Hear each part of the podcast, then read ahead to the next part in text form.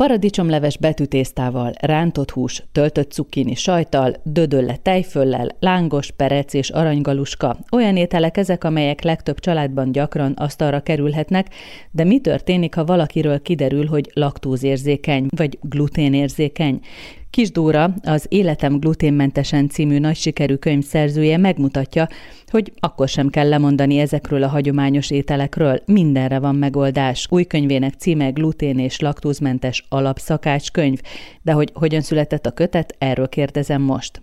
Engem folyamatosan inspirál az, hogy az olvasóknak, illetve a blogom követőinek, annak a közösségnek, amit igazából itt sikerült felépíteni, mik a kívánságai, illetve az igényei. És azt vettem észre, hogy ugye az első könyvben főként olyan ételekre fókuszáltunk, amik ilyen tésztafélék, keltészták, sütemények, amik nehezebbek, ugye gluténmentesen, nehezebb az elkészítésük, és nagyon sokan kérdezték azt, hogy hogyan lehet megoldani mondjuk egy napi étkezést, hogy hiába egyszerűbb mondjuk, hogyha az ember végig gondolja, hogy reggeli reggelire mit tegyünk 10 óraira, mert mondjuk könnyen kiváltható egy gyümölcsözés, de hogy minden napra az ember főzzön egy ebédet, készítsen vacsorát, ez nagyon sokszor problémát jelent, már csak ötlet szinten is, vagy olyan szinten, hogy a megszokott alapanyagokat milyen gluténmentes alternatívával tudjuk kiváltani. És ez volt az egyik ötlet, hogy lehet érdemes lenne ezeket az alaprecepteket úgymond összegyűjteni, és a másik részről viszont az adta az ötletet, hogy nagyon sokan kérdezték, hogy én mit szoktam enni, mert nekik ez a nehézség, hogy összeállítsák a napi menütervet, vagy akár a heti menütervet,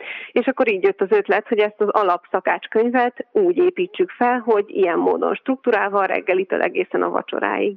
Amit a dietetikus leír a könyved elején, ugye ezek nagyon fontos támpontok. Nagyon Igen. sokan nyilván azért szerzik be ezt a könyvet, mert új nekik ez a helyzet, hogy ezen túl így kell főzniük. Sok segítséget adsz. Az az igazság, hogy én azt tapasztaltam, így a blogom követői, hogy felveszik velem a kapcsolatot, hogy sajnos az orvostól nem mindig kapnak kellő tájékoztatást, tehát megkapja az ember a diagnózist igazoló leletet, ami gluténérzékenység, vagy laktózérzékenység, vagy tejallergia, vagy bármi, és ha nem megy el dietetikushoz, akkor igazából nem tudja, hogy ezzel mit kell kezdeni. És úgy gondolom, hogy ezért nagyon fontos, hogy a dietetikus tartadorottja ilyen, szerintem nagyon olvasmányosan és tényleg minden hasznos információt tartalmazva egy nagyon jó szakmai bevezetőt írt ezekről a betegségekről, és leírta azt is, hogy mire kell odafigyelni, hogyan kell betartani, nagyon jól tudom, hogy én sem gondoltam rá, amikor ugye még nem voltam ebbe benne. Első körben mindenképpen az nagyon fontos, hogy végezzünk egy nagy takarítást a konyhában, azon a pontokon, ahol mi gluténmentes ételt szeretnénk készíteni,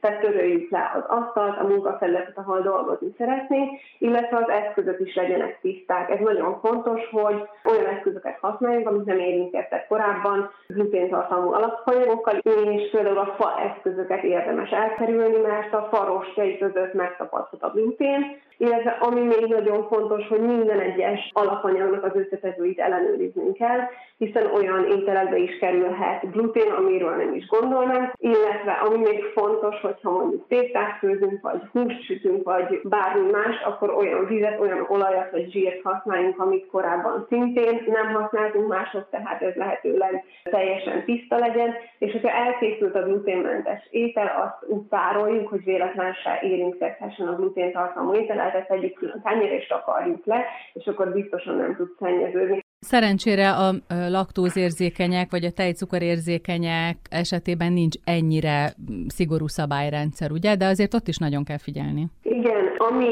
könnyebbséget jelent, hogy ugye kapható laktáz tabletta, illetve csepp, tehát a laktóz érzékenység az gyakorlatilag egy enzimhiány, és ezt tudjuk pótolni. Tehát, hogyha bevisszük ezt a laktáz enzimet a szervezetünkbe, akkor az helyettünk le fogja bontani a laktózt.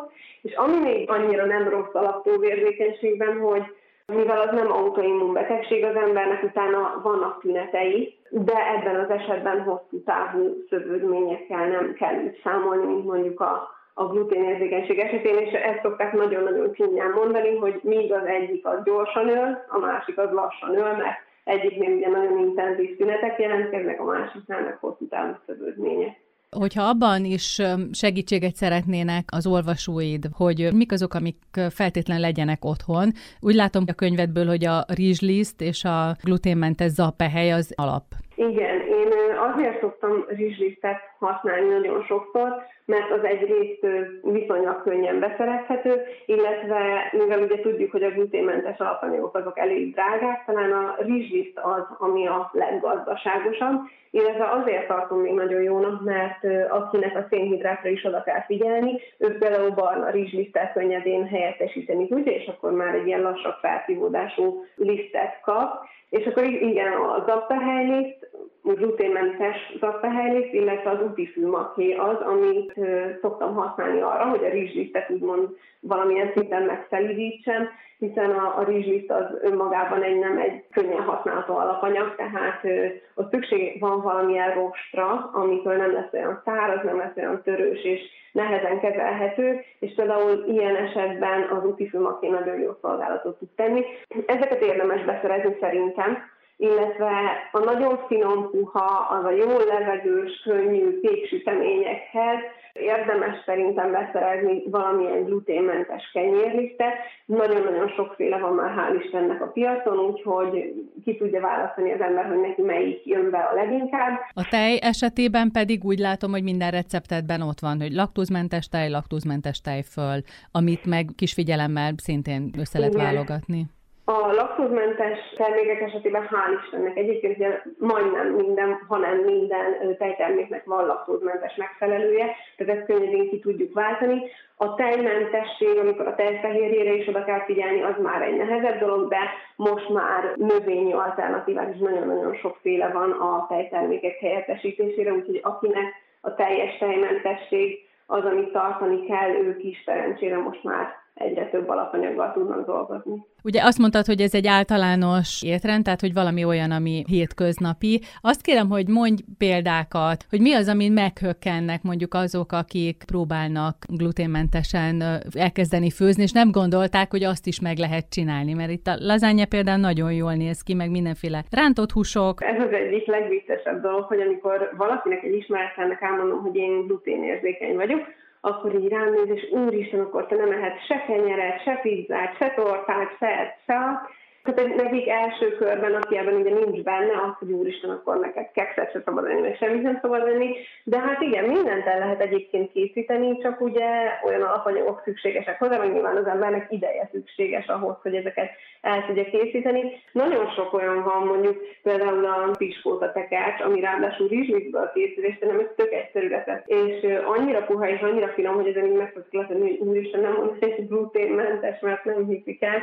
Nagyon jól mulattam azon a kitételeden, vagy megjegyzéseden, hogy nálatok minden lángosnak látszik, vagy lángosszerű, ami szintén egy gluténérzékeny esetében ez egy elég karakán mondat. Igen, nekem a lángos volt az egyik legnagyobb kedvencem, ugye mivel balatoni vagyok, és az első gluténmentes nyaram az egy ilyen hatalmas lemondás volt ebből a szempontból, és akkor még nem is tudtam finom gluténmentes lángost készíteni. Aztán amikor hál' Istennek megtanultam, akkor már ez egy nagyon nagy könnyesség volt, de például az új könyvbe azért kerül be ez a gyors gluténmentes lángos, mert mikor ugye megérkezik az ember a strandról, akkor még mindig azt be kéne dagasztani, utána megvárni még kell, akkor utána még kisütni, stb. stb. Hát ez volt egy másfél óra. És akkor, mivel én is szerettem volna lángos semmi, mikor a többiek ugye tanulás után lángosodtak, így alkottam meg ezt a nagyon gyors változatot, ami egyébként percek alatt elkészül, és tényleg nagyon finom. És nekem mind a lángos, a tejbeli is hatalmas kedvencem volt,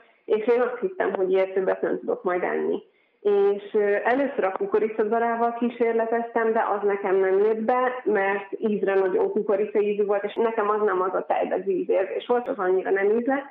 Aztán a rizsdarára, amikor így rátaláltam, akkor jöttem rá arra, hogy az összes régi kedvencemet, grízes tészta, daramorzsa, illetve tejbezíz, ezeket mind nagyon könnyedén ugyanúgy el tudom készíteni, csak búzadara helyett rizsdarát kell használnom.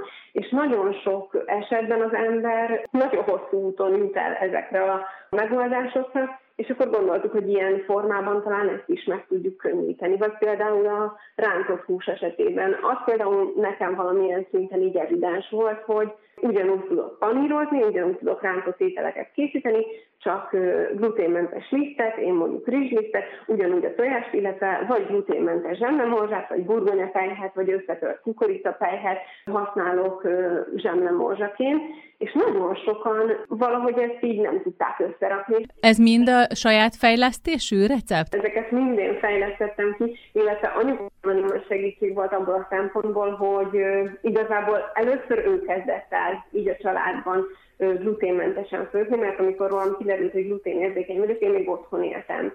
És anya volt az, aki elkezdett ezzel kísérletezni, és tőle rengeteget tanultam, illetve mivel tőle tanultam meg úgymond főzni, így az ő receptjeit, az ő régi családi receptjeit is folyamatosan gluténmentesítem. Mi a véleményed arról, hogy nagyon sokan elkezdenek gluténmentesen főzni, sütni, holott nincs problémájuk? Ennek van pozitív és negatív oldala is szerintem. Vannak olyan emberek, illetve van is egy olyan betegség, amit nem cöliákiás gluténérzékenységnek hívnak, tehát, hogy az ember tényleg gluténérzékeny, csak nem ez a cöliákiás, nem ez az autoimmun verziója van.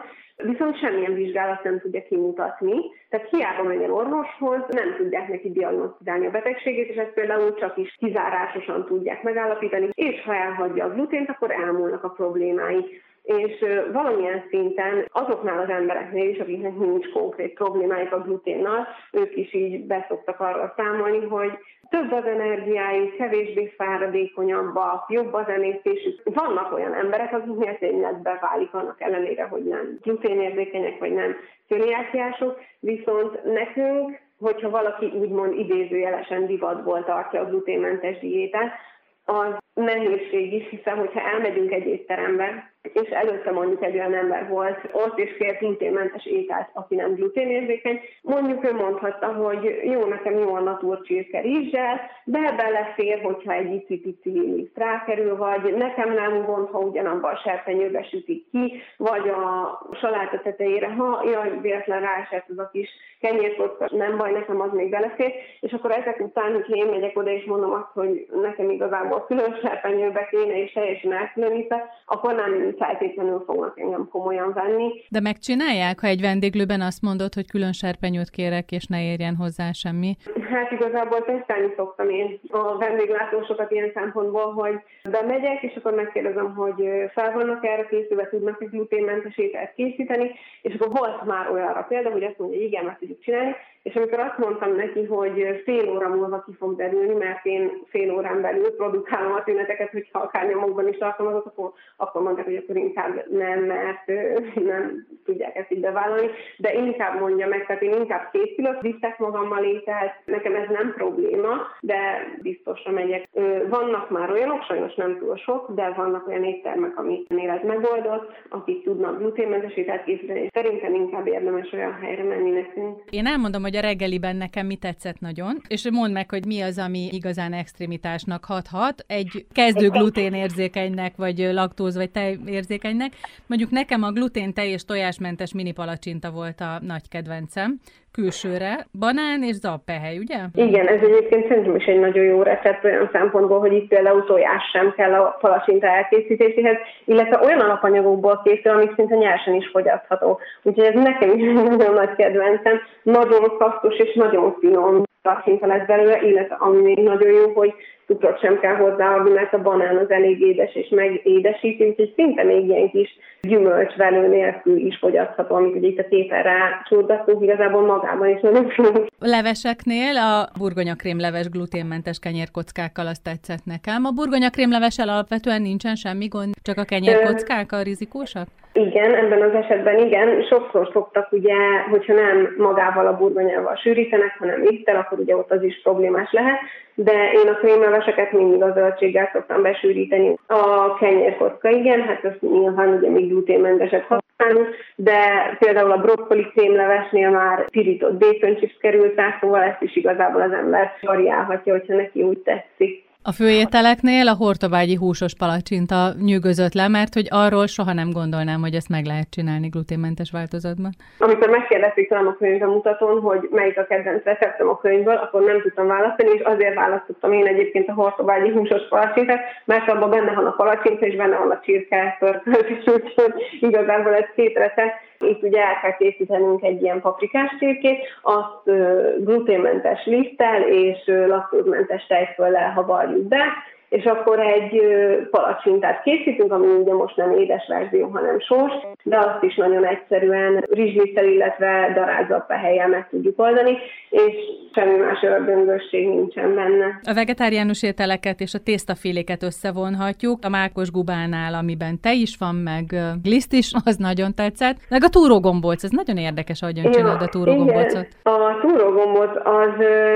azért nagyon érdekes, meg azért szeretik nagyon sokan, mert ebben ugye nem kell tojás. Alapesetben a hagyományos úrógombóc az egy ilyen tojásos, és akkor az ember kifőzi vízben, és ugye a tojás tartja össze magát a, a gombócokat. Na most ezt nem kell főzni, úgyhogy én azért szeretem nagyon, mert nem tudjuk szétfőzni a gombócokat, és ezáltal a tojás sem kell bele. Ez igazából egy nagyon-nagyon sűrű tejbe gríz alapú gombóc, amihez hozzáadjuk a túrot, és már forgathatjuk is bele a pirított zsemlemorzsába, úgyhogy ez is nagyon egyszerű. Én imádom például a is egy ilyen lángosos útvonal ezzel a tejföllel, illetve mi még pirított szalonnát is szoktunk rátenni. A mákos guba az szintén nagyon-nagyon jó, azt ugye abból a kifliből készíthetjük, ami szintén megtalálható a könyvben, illetve én még a grízes tésztát is nagyon szeretem, mert nekem ezek hatalmas kedvenceim voltak, és nagyon sokáig tartott, mire rájöttem, hogy hogyan lehet ezt ugyanolyan ízvilágban elkészíteni, mint régen. A kenyérfélék és péksütemények esetében én inkább azt kérdezném most, hogy van-e valami turpisság, amikor gluténmentes lisztből sütünk kenyeret? Igazából a kenyérnél, illetve a zsemlénél én bevetettem a gluténmentes kenyérlisztet, amit említettem az előbb.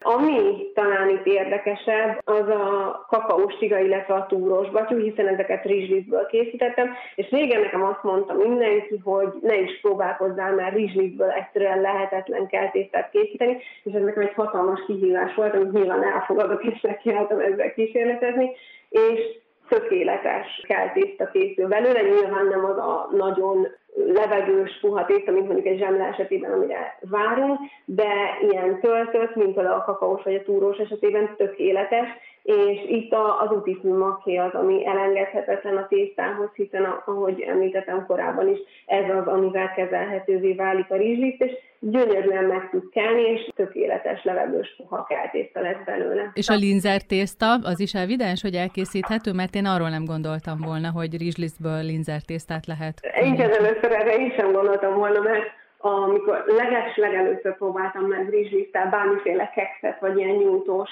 sütit készíteni, szétporlat, sőt igazából összeset tudtam gyúrni, mert annyira száraz volt rizslisztből a tészta, hogy összesen állt.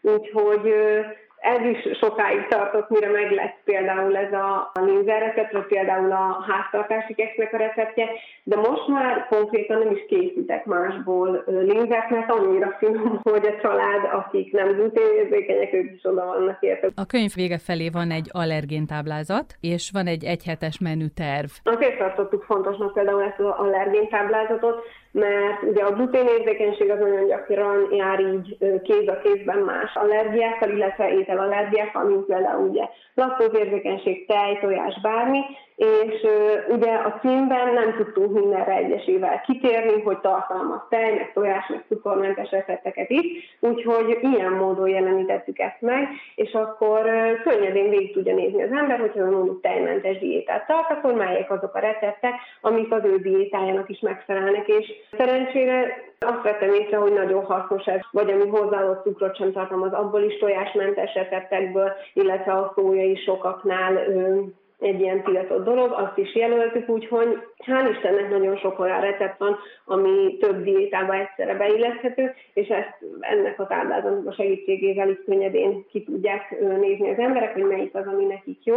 Illetve a menütervvel kapcsolatban pedig szintén azt tapasztalom, hogy, hogy tényleg egy ilyen könnyebbség az embereknek, mert amikor kiderül a diagnózis ugye egy kezdő esetében, vagy aki akár már régóta benne van, de folyamatos probléma neki az, hogy, hogy mit főzzek, meg mi az, amit könnyen, gyorsan, akár olcsó meg tudok gluténmentesen csinálni, több napra is el tudom készíteni, vagy el tudom magammal vinni a munkahelyre. Úgy gondolom, hogy, illetve a tapasztalatok, visszajelzések alapján mondhatom is, hogy tényleg ez egy segítség neki, úgyhogy ennek nagyon örülök.